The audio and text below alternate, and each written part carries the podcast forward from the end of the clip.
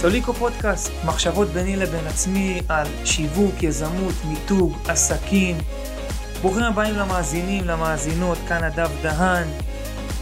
פרק מספר 3, פרק מספר 3 על פרסום קריאיטיבי ופסיכולוגי. שני הבדלים מהותיים, פרק מאוד מאוד מעניין, מסקרן, שהולך לתת לכם המון המון ערך. לפני שנצא לפרק, הפינה החדשה שלנו, תעשו לה המון המון המון המון כבוד. אקטואליה חמה. בפינה החדשה הזאת אני הולך לשתף בכל מה שחדש, רלוונטי, חם בעולם הפרסום, השיווק והמיתוג, כדי שתעקבו אחר העדכונים, כדי שתקבלו ערך מוסף ותבינו מה הולך באמת בעולם הזה שאנחנו חיים בו מבחינת הפרסום והשיווק שלנו בעסק. אז בפינה של היום אי אפשר להתעלם מזה.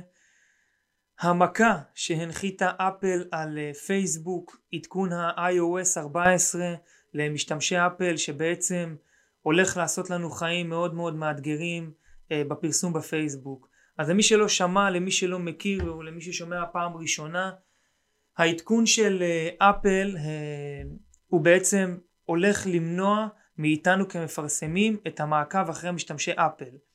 בעצם אפל החליטו אנחנו לא מאפשרים יותר למפרסמי פייסבוק לעקוב אחר המשתמשים שלנו באמצעות הפיקסלים אה, כדי לתת פרטיות ללקוחות שלנו. אפל כנראה ראו בזה איזשהו מהלך אה, מאוד מאוד אה, מיוחד שבעצם כנראה כנראה יעזור להם להגביר את המכירות שלהם, יעזור להם להביא אנשים כי אין מה לעשות ואי אפשר להתחמק מזה ולברוח מזה בעידן של היום אנחנו מתים לפרטיות הזאתי אבל לנו כ, כמפרסמים זה עושה חיים מאוד מאוד מאתגרים אה, שאנחנו צריכים לקחת אותם בחשבון. אז העדכון הזה בעצם הולך מה שנקרא אה, לצמצם לנו את היכולת שלנו לעקוב אחר ההמרות שלנו בפייסבוק, הנתונים שלנו בפייסבוק ב-50% לפחות כי אם נעריך את זה בהערכה גסה 50% מאוכלוסיית העולם זה משתמשי אפל, 50% השני זה משתמשי אנדרואיד אז זה ממש הולך אה, לעשות לנו חיים קשים. עם זאת, יהיו עוד אה, דרכים להתמודד עם זה, אני בטוח, ואנחנו גם נשתף בהמשך עם כל התובנות שיעלו של איך להתמודד עם, ה, עם העדכון הזה ומה לעשות איתו. בינתיים זה חם, טרי, ככה כדי שתבינו.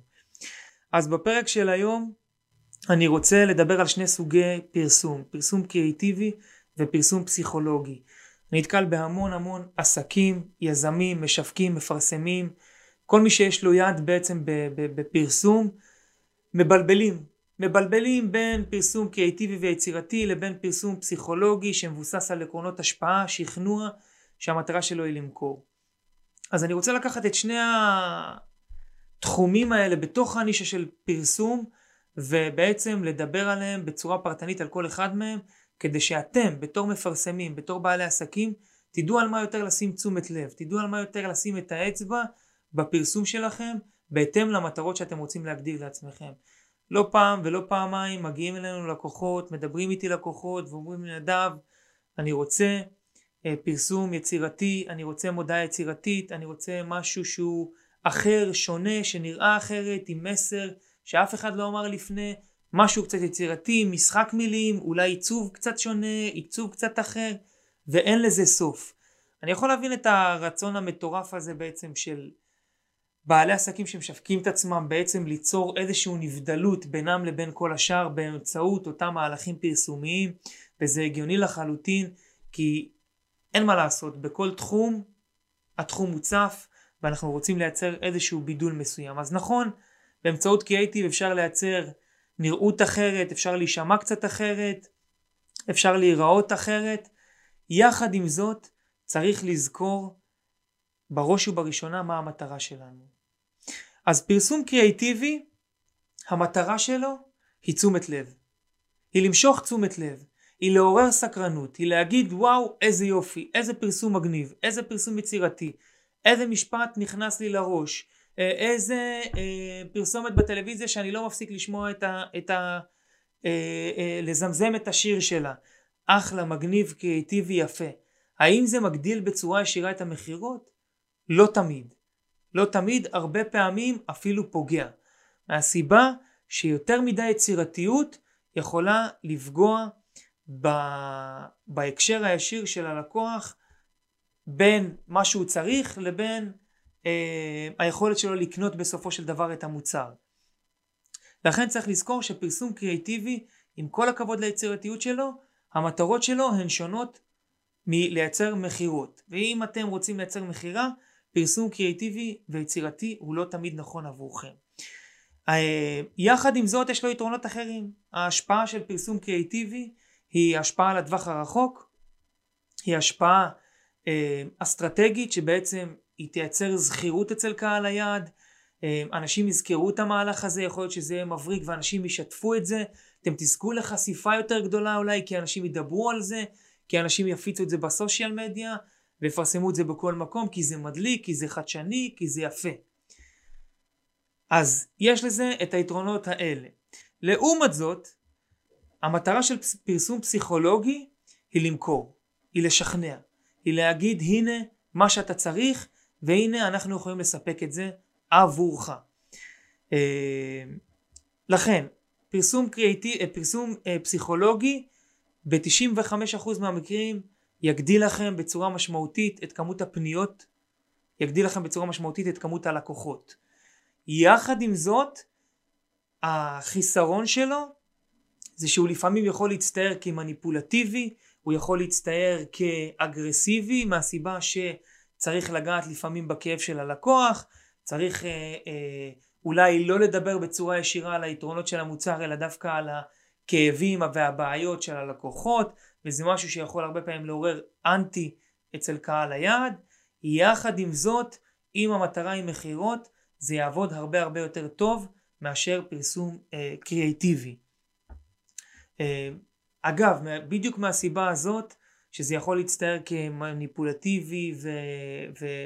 ואגרסיבי, אני רואה הרבה עסקים שמגיעים אלינו ואני נתקל בזה בשיח ברשתות החברתיות, שאנשים שהם עייפו משיווק, נמאס להם, זה מעצבן אותם שנוגעים להם בכאב, זה, זה נראה להם מניפולטיבי, זה נראה להם לא אמין, הם לא מצליחים להבין מה המוצר, ואני יכול מאוד להבין את המקום הזה.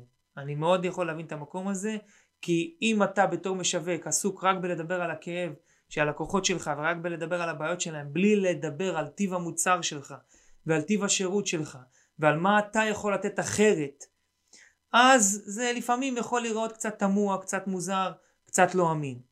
לכן הרעיון הוא תמיד למצוא את השילוב. למצוא את השילוב בין אותו פרסום קריאיטיבי שאנחנו רוצים שייצר לנו זכירות וייראה יצירתי ותועלתי וייחודי, לבין אותו פרסום אה, פסיכולוגי שמבוסס על עקרונות השפעה, שמבוסס על עקרונות שכנוע, שכן נוגע בצורך וברצון של הלקוח ומניע אותו משם לפעולה אה, ומוביל אותו בעצם לעשות את הפעולה שאנחנו רוצים בכדי להשיג אה, את המטרה. אז התובנה שלי אליכם מהפרק הזה היא, פש... היא פשוטה מאוד. לפני שאתם יוצאים למהלכי פרסום, לפני שאתם מגדירים אסטרטגיה שיווקית, לפני שאתם מגדירים תוכנית פעולה, לפני שאתם בונים קמפיין שיווקי, הדבר הראשון שאתם צריכים לשאול את עצמכם, והמרכזי ביותר שצריך ללכת לאורך כל הדרך, היא מה המטרה שלכם. מה המטרה מאותו מהלך שיווקי? מה המטרה של הקמפיין? מה המטרה של הפרסום? מה המטרה של הקריאייטיב?